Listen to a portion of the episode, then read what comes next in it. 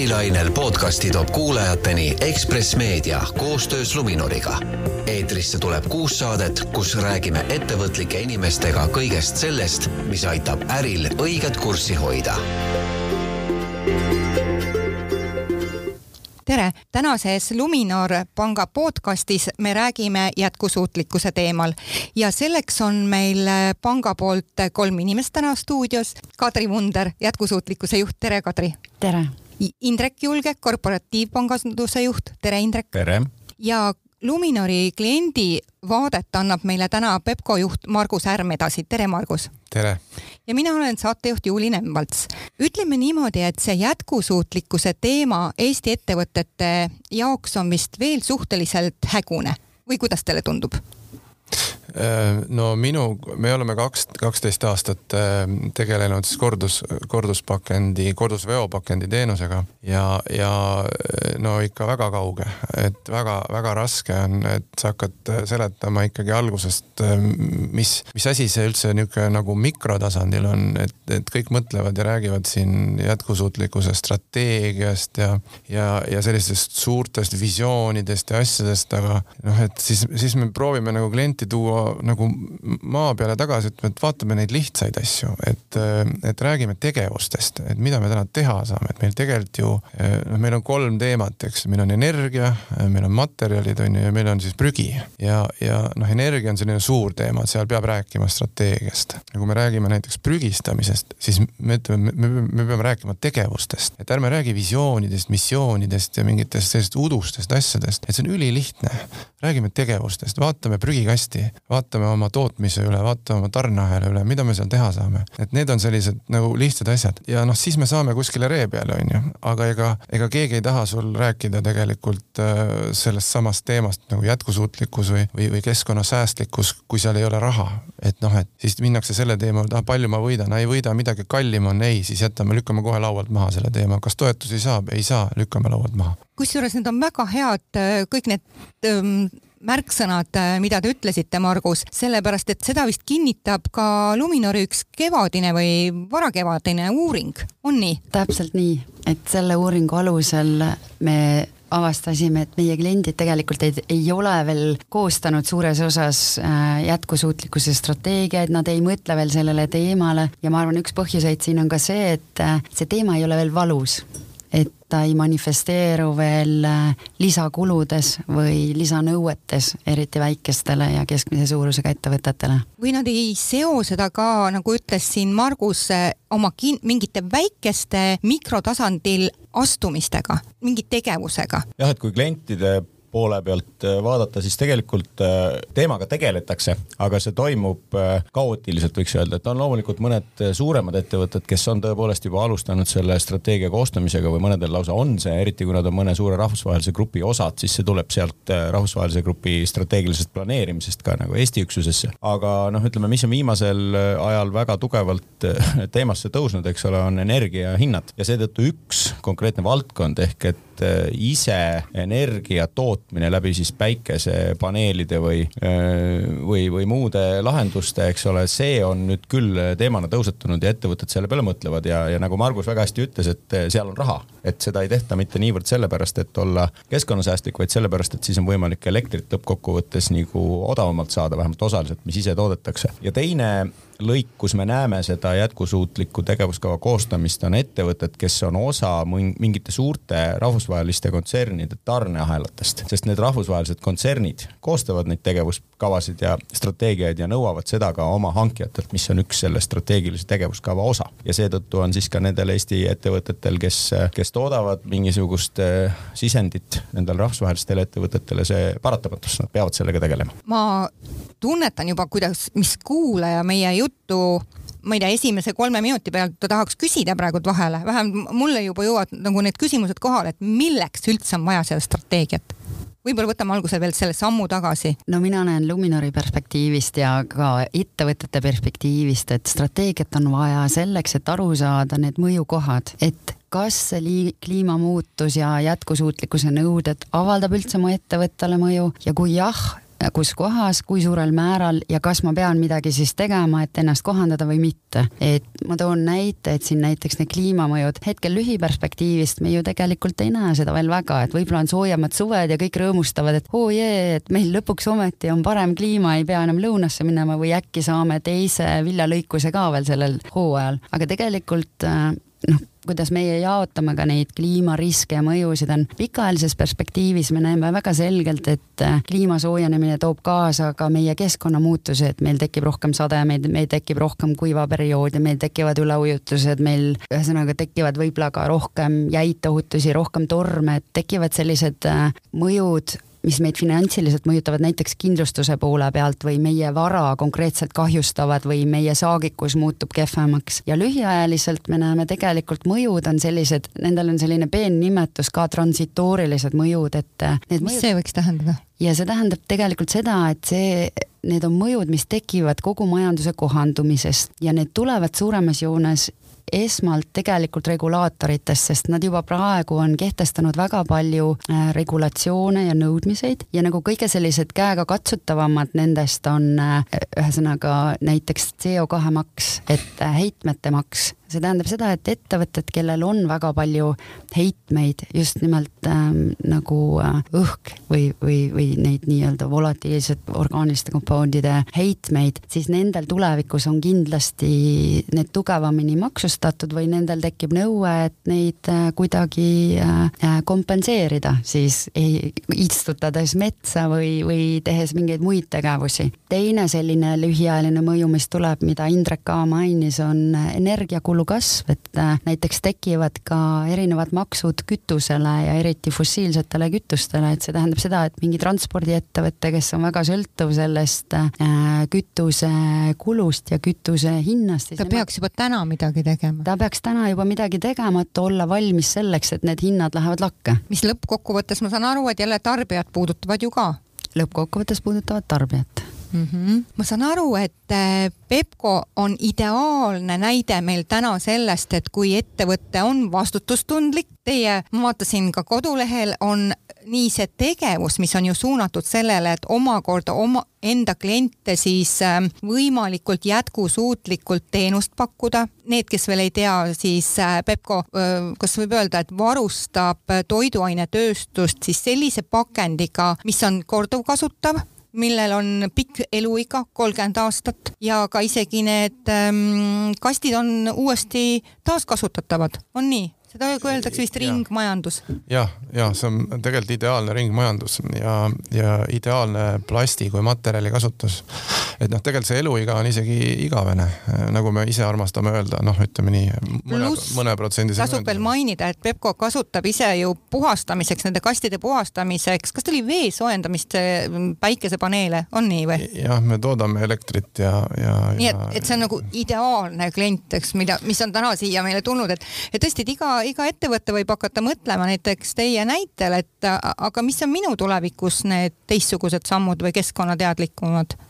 jah, et me alati armastame öelda, et enne, enne kui te äh, viite prügikastid kontorist ära, äh, ostate sinna keskkonnasäästliku seebi ja lähete tiimiga metsa istutama, et vaadake ennem oma tarneahelad üle, oma pakendid üle, mis nagu päriselt nagu mõjutavad äh, teie tegevust või millega teie tegevus mõjutab keskkonda, eks et see on ülioluline, tegelikult neid asju on hästi palju, no meil on lihtsalt õnn olla selles valdkonnas ise sees, et, et seetõttu me ka nagu üle keskmise mõtleme selle temaatika peale pidevalt. ja teie ujute juba selles teemas ka päris pikka aega, olgem ausad, kaksteist aastat või rohkem? jah, kaksteist aastat. ja teil on juba see hästi selgeks saanud ja te olete kaua teinud neid eelmisi samme või esimesi samme, eks on ju eeldusi. jah Ja. Just, just. aga millest te alustasite? E, eks see iga algus on hästi palju juhust tegelikult, et me tegelikult tootsime ühe korra pakendeid varem ja, ja siis mõtlesime pikalt tulevikule ja see tundus hästi äge, et mingi materjal ringleb jäädavalt ja, ja sa saad sellest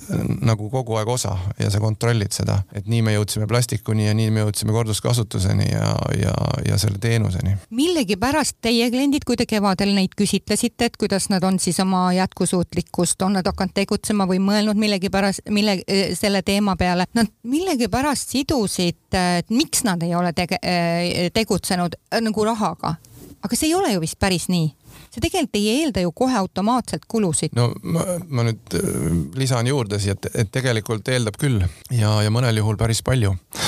see on teine faas, siis kui tuleb see otsus ellu viia aga algusel võib-olla, et see, et see eesmärk üldse tekiks või? no ikka on, et ta on ju ressurss, eks ole, iga liigutus ju tegelikult maksab, on ju, et kui mul inimene tegeleb kümme protsenti ajast millegi muu kui oma põhitööga, siis äh, ja, ja kui selleks on siis juba kümme inimest, on ju, noh, siis ma tegelikult pean ühe inimese juurde palkama et, et see on ikkagi ressurss, et jube palju tegelikult jälle vastupidi, vahest mõeldakse, et aga mul on see inimene olemas, ta niikuinii teeb mingit liigutust, onju. siis me ütleme, et kuidas ta niikuinii ei tee mitte midagi, et see on ikkagi lisaliigutus, onju, ja see lõpuks kulmineerub mingi, mingisse kulusse. ja ma arvan, et kui küsimus on see, et miks veel nii vähe selle peale mõtlevad või miks nii paljud veel ei mõtle selle peale, siis see, see vastus on väga lihtne, sest ei ole vaja olnud veel. kuna siiamaani on ilma selleta hakkama saanud ja, ja eks ettevõtjad mõtlevad ikkagi nagu peamise osa ajast selle peale, kuidas ettevõttel võimalikult paremini läheks. mis see aasta läheb vaja, ütleme selle ka kuulajale üle. no ma arvan, et no kui on, meil on sellised, kes ütlevad, et mul täna veel ei tiksu see kell. ja ma arvan, väikeettevõtetel regulatoorilisest perspektiivist ei hakkagi see veel niipea tiksuma, et äh, paari aasta jooksul tuleb üks regulatsioon, mis on keskmise suurusega ettevõtetele relevantne, aga siin loeb siis äh, ettevõtte töötajate ja käibe piir, et äh, ettevõtetele alates kahesaja viiekümnest töötajast. aga ma arvan, et ettevõtte bilansile ja kasumiaruandele hakkab see mõjuma juba järgmise viie kuni kümne aasta jooksul kindlustuspreemiumid ähm,. Äh, finantseerimise hind. ma just tahtsin öelda, et tegelikult ka need väikeettevõtted ootavad mõnikord siiski pangalt finantseerimist ja neid vaadatakse ikkagi ju teistsuguse silmaga olgem ausad, on nii? Jah, pankadele pannakse kohustus äh, hakata määratlema iga laenu puhul keskkonnariskide äh, osa ja, ja kui need keskkonnamõjud äh, on väga suured või noh, negatiivse kaaluga ja need investeeringud ei ole tehtud just nimelt nende keskkonnamõjude vähendamiseks, siis need laenud saavad olema tulevikus kallimad. ja, ja lisaks panga finantseerimisele on ju tegelikult ka noh, raha ja kapitaliturud, kust ettevõtted, suuremad ettevõtted saavad võlakirjade näol ennast finantseerida ja tegelikult ka pangad lõppkokkuvõttes ju, ju võtavad oma, oma funding'u või siis äh, välja laenatava raha lisaks deposiitidele ka veel, ka veel erinevatest äh, rahaturu instrumentidest, siis seal on nüüd küll näha väga selge märk, et suured fondid, äh, kes võlakirju siis kokku ostavad ja nendesse investeerivad, nende fondide investeerimispoliitikates on järjest rohkem see ära märgitud, et investeeritakse kas siis teatud osas või ainult siis sellistesse, sellistesse ettevõtmistesse ja projektidesse, mis on siis keskkonna suhtes positiivse mõjuga. aga need on juba teil juba sellised fondid Ja. on selliste mär märgetega seal üleval, okei okay.. aga, aga ma arvan, et siin me ei tohiks nagu seda ka niivõrd mustast küljest äh, näidata, et tegelikult me oleme ju tööstusega, me oleme kõik siin alguses. Ja see ei, see ei tohi olla nii, et me hakkame lahterdama head ja halvad ettevõtted või rohelised ja pruunid ettevõtted, et, et tegelikult meie kui panga ülesanne on fin-, finantseerida seda muutust. Ja see tähendab seda, et meie ei ütle nagu klientidele ära, et ei, te olete pruun, teid me enam ei finantseeri, vaid meie tahame näha, et ettevõte tahab ka viia läbi selle muutuse, et saada roheliseks või saada jätkusuutlikuks. Ja sel eesmärgil me sellel aastal arendasime välja Äh, strateegiad ja hetkel siis viiele kliimariskidest kõige rohkem ohustatud sektorile. Ja ütleme nende strateegiate see kõige esimene aluspunkt ongi, et me hakkame küsima oma klientide käest nende muutuste strateegiat kuidas nad kohanduvad, millised eesmärgid nad seavad ja siis hakkame tulevikuaastates, äh, aastatel monitoorima või nagu jälgima, et kuidas nad neid eesmärke siis täidavad ja kas nad tõesti viivad ellu need tegevused, mida nad lugesid, lubasid või mitte. Kadri, kas te ütleksite üle kuulajale ka, mis on need viis ähm, valdkonda, mis on nagu kõige tundlikumad?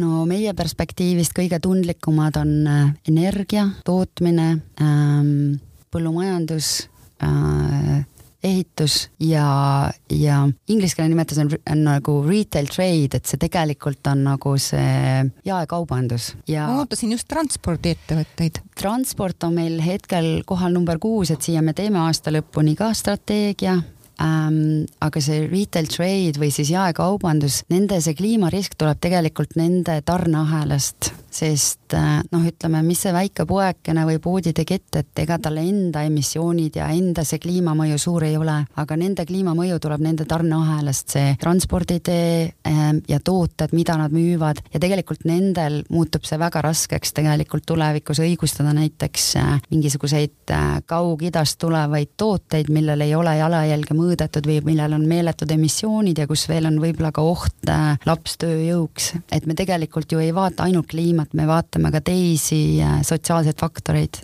oma investeeringute puhul. ma saan aru, et sellel äh, uuel mõtteviisil on hästi suur äh, nagu taust taga, et tõesti, et äh, nagu te ütlesite, Kadri, et ei vaata ainult ühte või kahte või kolme asja, vaid seal on, seal on nagu mingi uus filosoofia seal taga isegi need inimesed, kes pole pidanud üldse mõtlema nagu sotsiaalses plaanis mingist sotsiaalsest vastutusest või ühiskonna eest, kuidas me inimestena noh, käitume, et meil tegelikult peaks olema vastutus, et need kõik on sunnitud mingil ajal ikkagi hakkama niimoodi mõtlema, on nii? jaa suurettevõtted on juba praegu selleks sunnitud ja nad, see tuleb ühelt poolt sotsiaalsest vastutusest ja teiselt poolt ka regula- äh,, regulatiivsest survest mõlemalt poolt. et äh, siin me räägime tegelikult sellest äh, õiglusest, kliimaõiglus ja sotsiaalne õiglus. täiesti õige. aga ma ikkagi tahaks võib-olla seda üle rõhutada, et ma näen, et see on Eesti jaoks, äh, kuna Eesti on väike riik ja tänu sellele suhteliselt dünaamiline, siis see on kindlasti võimalus, mitte probleem. Äh, sest äh, suurematel riikidel, kellel on väga-väga suured ettevõtted, et kõikide nende muutuste läbiviimine on palju-palju aeglasem, nõuab väga palju rohkem aega ettevalmistamisel ja ka, ka elluviimisel. ja Eesti, mis on dünaamiline ja väiksem majandus, siin me saame lihtsalt saavutada eelise nende suuremate riikide, suuremate ettevõtete ees ja, ja tänu sellele oma kohta seal tarneahelas parandada. ja ma siia juurde, ma jäin mõtlema, äh, viimasel tarneahela konverentsil rääkisin pakenditest ja, ja siis ma vaatasin sellist asja nagu äh, jäätmehierarhia. see on siis see püramiid, mis, mis räägib meile sellest nii-öelda prioriteetidest, et esimene on siis vähenda, teine on korduskasuta, kolmas on taaskasuta, neljas on siis energiamajandus ehk põletus ja, ja viies viies on siis äh, ladestamine. püramiid ähm, seda püramiidi tutvustas Euroopa Liidus või tutvustati Euroopa Liidus aastal, mis, mis te arvate? ma arvan, et paarkümmend aastat tagasi. paarkümmend aastat, peaaegu, tuhat üheksasada seitsekümmend neli. Vau, ma oleks üheksakümmend pakkunud. jah, seitsekümmend neli. kas me keegi olime siis juba sündinud, mina ei olnud mina juba olin kaheaastane mu vanemad olid vist kümme aastat nooremad kui mina täna, et noh, ja sellest räägiti juba ja, ja võeti see strateegia juba nagu eesmärgiks ja sellest räägiti ja see on ulme, kus me täna oleme, me oleme täna hullemas olukorras, sellepärast et äh, meie nagu hästi äge äh, pandisüsteem pudelitele on ju tegelikult taaskasutus, et kordust on seal hästi vähe.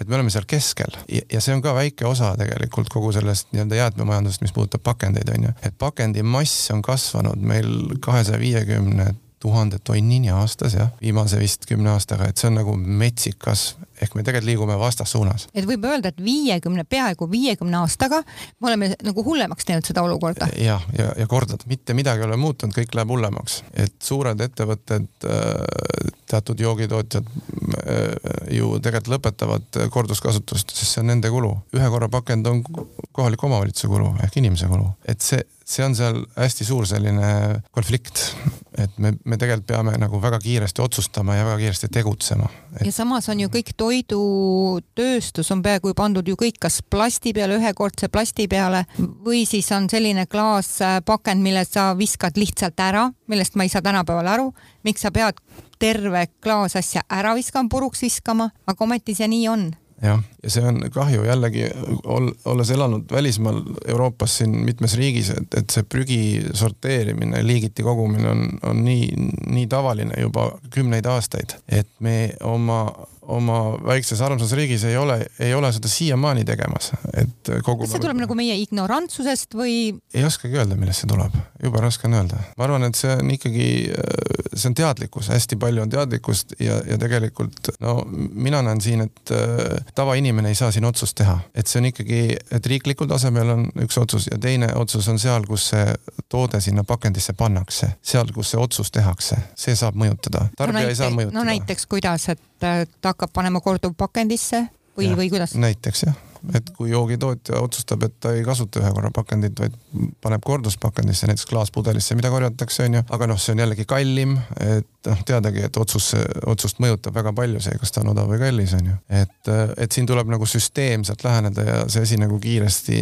nii-öelda tagasi pöörata midagi ei ole teha, sellepärast et see on valus, aga seda tuleb teha. aga kas taaskasutuse poole pealt äh, on, on ikkagi vist olukord natuke paranenud, et meil on küll nagu seda plastikpakendit rohkem, aga järjest rohkem läheb sellest uuesti nagu ümbertöötlusesse või on ka seal hullemaks läinud olukord?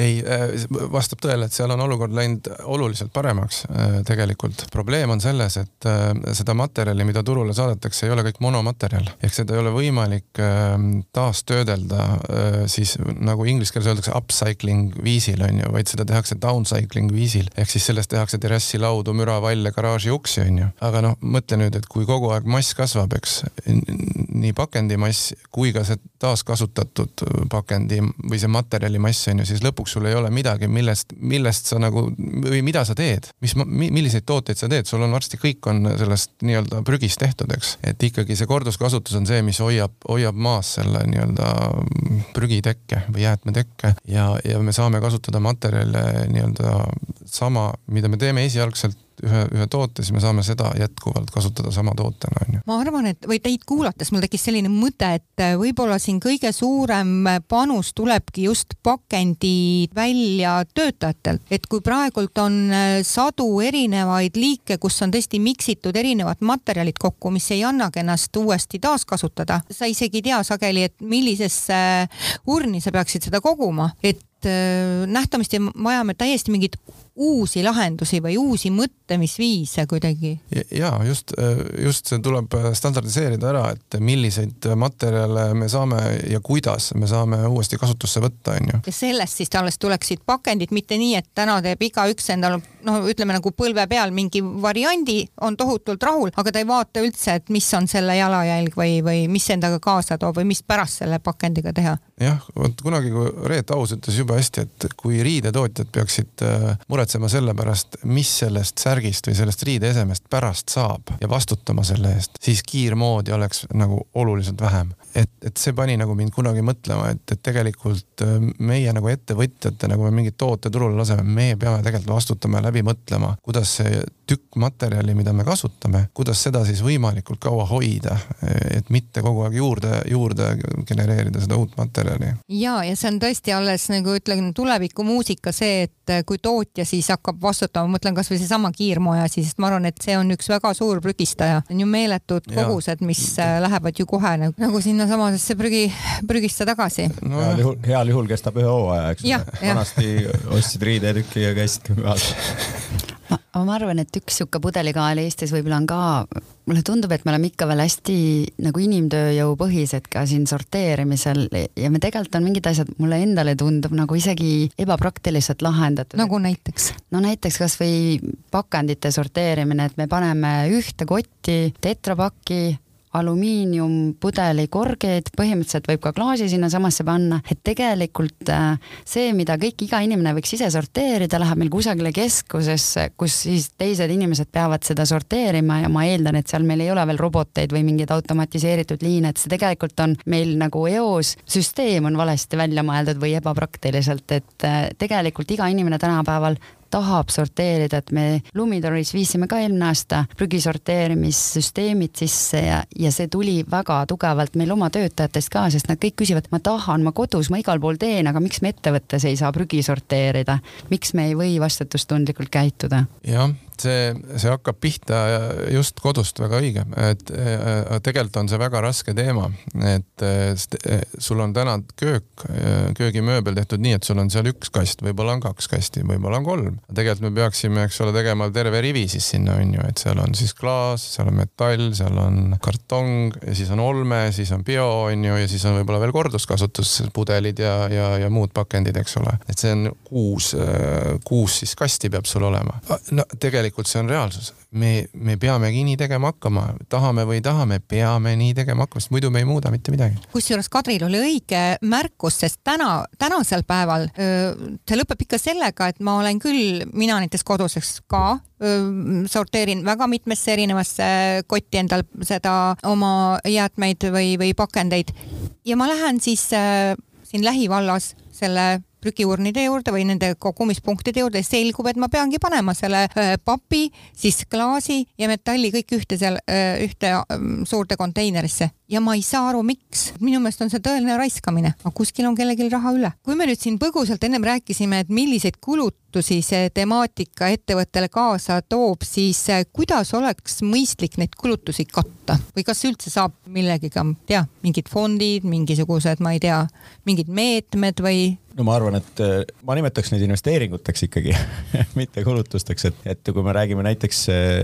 energia poolest, eks ole, siis, siis noh, päikesepaneelide paneelide paigaldamine oma tootmisettevõtte või lao või mis iganes hoone katusele, ta on investeering. ja, ja seda saab rahastada äh, pangalaenuga väga edukalt, me oleme väga huvitatud selliseid laene andmast ja kui me räägime noh, näiteks muudest lahendustest nagu, nagu Marguse ettevõte Pepco pakub, siis tegelikult seal on ju terve teenus, mida pakutakse ettevõttele. lihtsalt äh, selle asemel, et äh, käidelda oma toitaineid ühekordsetes pakendites, tuleb Pepco toob, võtab need kastid sult ära, peseb puhtaks ja järgmine kaup tuleb juba korralikult eh, jällegi puhastes kastides ja tegelikult sa ostad ainult teenust. mis, mis ma öelda tahan, on see, et õnneks on meil palju äh, toredaid ettevõtteid, kes need probleemid äh, paljude teiste ettevõtete jaoks ära lahendavad äh, teenuse moel ja ma arvan, see ongi lahendus, et äh, noh, seal on küll võib-olla mingi alguses on väikesed, eks ole, hinnavahed ettevõtetele ühe või teise äh, võimaluse kasuks otsustamise juures, aga nagu noh, see surve niisiis nende nende, klientide ja ka siis äh, partnerite poolt suureneb järjest ja samamoodi ka, eks ole, finantssektorist ja sellest me juba rääkisime, et, et see, see ootus, et ettevõtted mõtlevad vastutustundlikult, see järjest suureneb ja, ja vastavalt sellele ootusele tegelikult suureneb ka nende teenuste pakkujate hulk õnneks. mulle väga meeldis see, et Indrek ütles, et see ei ole mitte nagu kulu, vaid investeering, et vot kui me selle mõtte suudame endale kuidagi tekitada ma ei tea, kas tohib üldse tänasel päeval öelda, et õnneks on ka energiahindade selline tõus pannud inimesi päris tugevalt äh, mõtlema just selle kasvõi päikesepaneelide kasuks, eks. Ja, ja, ja see investeering on selles mõttes äh, ka hea sõna tegelikult, äh, kui hakata mõtlema, et näiteks kui me, kui me mõtleme näiteks ettevõttega, et mida me võiksime teha, et me oleme kõik oma nagu teenustes nii-öelda ära muutnud, kõik on hea, et läheme nüüd siis aitame teisi, istutame puid või teeme midagi, et see on ka kulu tegelikult onju. et siis seesama, see, see kallim investeering või siis noh, ütleme investeering, mida sa muidu justkui peaks tegema, aga siis sa teed seda siis kas korduspakendi lahenduse kasutusele võtmiseks oma tootmises või siis äh, noh, mingi muu, mis on, muutub sul kallimaks, on ju, või see üleminek on kallim, et siis noh, et tulekski nagu võtta seda kui siis investeeringut, mis ei tule sulle otse rahaliselt tagasi, vaid et ta tuleb läbi siis, läbi sellega tagasi, et keskkond, keskkond on puhtam, on ju. ma tean, et Luminar teeb juba ka tema, temaatilisi webinare oma klientidele, et millest seal äh, täpsemalt räägitakse um,? Jah, see on õigus. Äh, sellel aastal me lansseerisime siis terve seeria selliseid webinare ja me alustasime tegelikult hästi äh, nagu A-st ja B-st, et tegelikult selle kliimamuutustele resilientsuse kasvatamine ja arusaamine hakkab sellest, et üldse aru saada ettevõtte oma mõjust. ja ettevõte saab oma mõjust aru siis, kui ta teab, kuskohast tema need emissioonid tulevad, sest tegelikult äh, ettevõtte emissioonid on kõige suurem indikaator sellest, kui suurele kliimariskile ta siis on avatud avatud, sest emissioonidele tuleb kulu, neid tuleb offset ida või neid tuleb vähendada ja nendega tuleb tegeleda. ja ütleme, need emissioonid jaotatakse ju meil kolme skoopi, skoop üks, kus on siis ettevõtte enda tegevusest tulnud emissioonid, skoop kaks on ettevõtte energia ja sooja tarbimisest tekkinud emissioonid ja skoop kolm on siis ettevõtte väärtusahelast tekkinud emissioonid. et ja see mõju, mõju määramine toimubki sellest, et kõigepealt tuleb lihtsalt arvutada välja, kus kohas see kõige suurem mõju on ja seal, kus see kõige suurem mõju on, siis seal tuleb hakata tegevusi tegema. Katri, mis tähendab nii udupeenelt ettevõtte väärtusahelast tekkinud? No ettevõtte väärt-, see väärtus, võib-olla ütleks siis parema sõna tarneahel, et okay. see on nagu ühelt poolt kliendid ja teiselt poolt kõik äh, tarnijad. ja läks ja juba, ja läks juba arusaadavamaks. okei okay,, selge. ja meie esimene seminar siis rääkiski sellest, et mis metoodika on selleks, et arvutada neid emissioone, siis teine seminar rääkis äh, meie äh, geopoliitilisest olukorrast ja, ja Euroopa Liidu ja maailma tasemel seotud kliimaeesmärkidest, et kas see geopoliitiline olukord nüüd mõjutab siis neid kliimaeesmärke ka, et siis võetakse maha, kuna nüüd olukord ju muutus, et tegelikult äh, selles, selle jätkusuutlikkuse maailmas me ei räägi enam ainult kliimast, me räägime sotsiaalsusest ja, ja, ja inimeste turvalisusest ja teistest teemadest. ja, ja nüüd kolmas teema, mis meil oli just eelmine nädal, oli taksonoomia, et äh, väga paljud räägivad Euroopa Liidu taksonoomiast, et mida see tähendab, äh, kuidas ettevõtted saavad selle alusel raporteerida, miks see üldse relevantne on ja sügisel me jätkame siis teemadega nagu jätkusuutlikkuse raporteerimine ja kliimariskid erinevates sektorites, et meil sügiseks on planeeritud äh, põllumajandussektori nagu detailsem äh, vaatlemine ja minu arust teine oli meil äh, kas tootmissektor, kui ma ei eksi, et ja need lähevad siis järgmisel aastal edasi, et. ma saan aru, et kolm on juba ära toimunud, kas neid on võimalik nagu järgi vaadata või kuskohast siis?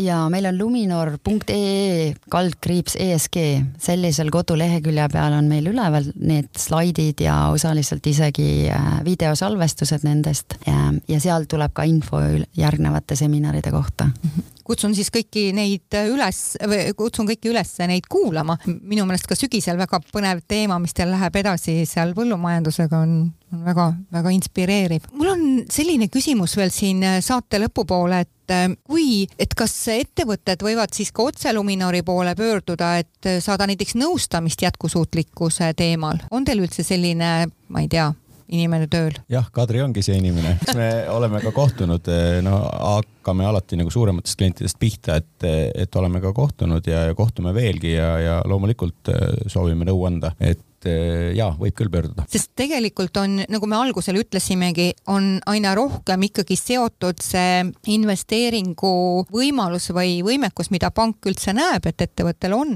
on ikkagi seotud ka selle jätkusuutlikkuse teemaga, et seda nagu, see on selline suur, ütleme selline tausta siis teadmine ettevõtetele, et tegelikult ei pääse üle ega ümber sellest teemast. jah, võib-olla see, mida kindlasti meelde jätta, on see, et meie pangana me küsime väga palju küsimusi ja tulevikus rohkem veel ja küsimused ei piirdu enam ainult äh, finantsvõimekusega, vaid just nimelt äh, kliimamõjuga tegelemisega äh,, kuidas äh, panna ennast valmis nende tuleviku äh, riskide jaoks, et kuidas nendega ümber käia, millised investeeringud on plaanitud ähm,. aga sinna juurde me küsime veel ka sotsiaalseid küsimusi selleks, et olla kindlad, et äh, ettevõtted äh, ei kasuta ma ei tea, e, või ettevõtted pakuvad õiglaseid äh, töötingimusi vähemusgruppidele näiteks, ei kasuta lapstööjõudu ähm, ja käituvad vastutustundlikult siis kõigi meie inimõiguste äh,, inimõigustesse puutuvate faktoritega. meil hakkab saade siin kahjuks läbi saama tänaseks, et on teil mingisuguseid mõtteid, mida tahaksite veel üle korrata? jah, mina tahaksin ikkagi lõppu jätta selle positiivse mõtte, et, et see jätkusuutlikkus on kindlasti võimalus, mitte probleem ja, ja, ja ma arvan, et sellel hetkel, kui ettevõtjad hakkavad sellele niimoodi vaatama ja otsima neid võimalusi, sellel hetkel tekib ka see murrang, et hakatakse ka reaalseid samme tegema, et noh, võtame kasvõi näiteks, et need ettevõtjad, kes paar aastat tagasi rajasid endale äh, päikesepaneelid tootmishoone või laohoone katusele, siis nende ettevõtete elektrikulu tänaste energiahindadega võrreldes on väga palju väiksem ja tasuvusaeg, millega nad selle otsuse tookord tegid, on, ma arvan, jagatud umbes kolmega. ja no ma ei saa mitte kasutamata võimalust reklaamida ikkagi korduspakendi teenust, et ettevõtted, kellel ei ole ühtegi ideed, kuidas maailma paremaks muuta, siis tulge meile külla, me näitame, kuidas kauba, kaubaalused ringlema panna jätkusuutlikult, kuidas veopakend panna ringlema jätkusuutlikult ja, ja nii edasi ja nii edasi. aitäh, Margus, selle mõtte eest. aga tänaseks on meil äh, saade paraku läbi ja külas olid siis Luminor pangast jätkusuutlikkuse juht Kadri Vunder, korporatiivpanganduse juht Indrek Julge ja Pepco juht Margus Ärm. mina olen saatejuht Juuli Nemvalts ärilainel podcasti toob kuulajateni Ekspress Meedia koostöös Luminoriga. eetrisse tuleb kuus saadet, kus räägime ettevõtlike inimestega kõigest sellest, mis aitab äril õiget kurssi hoida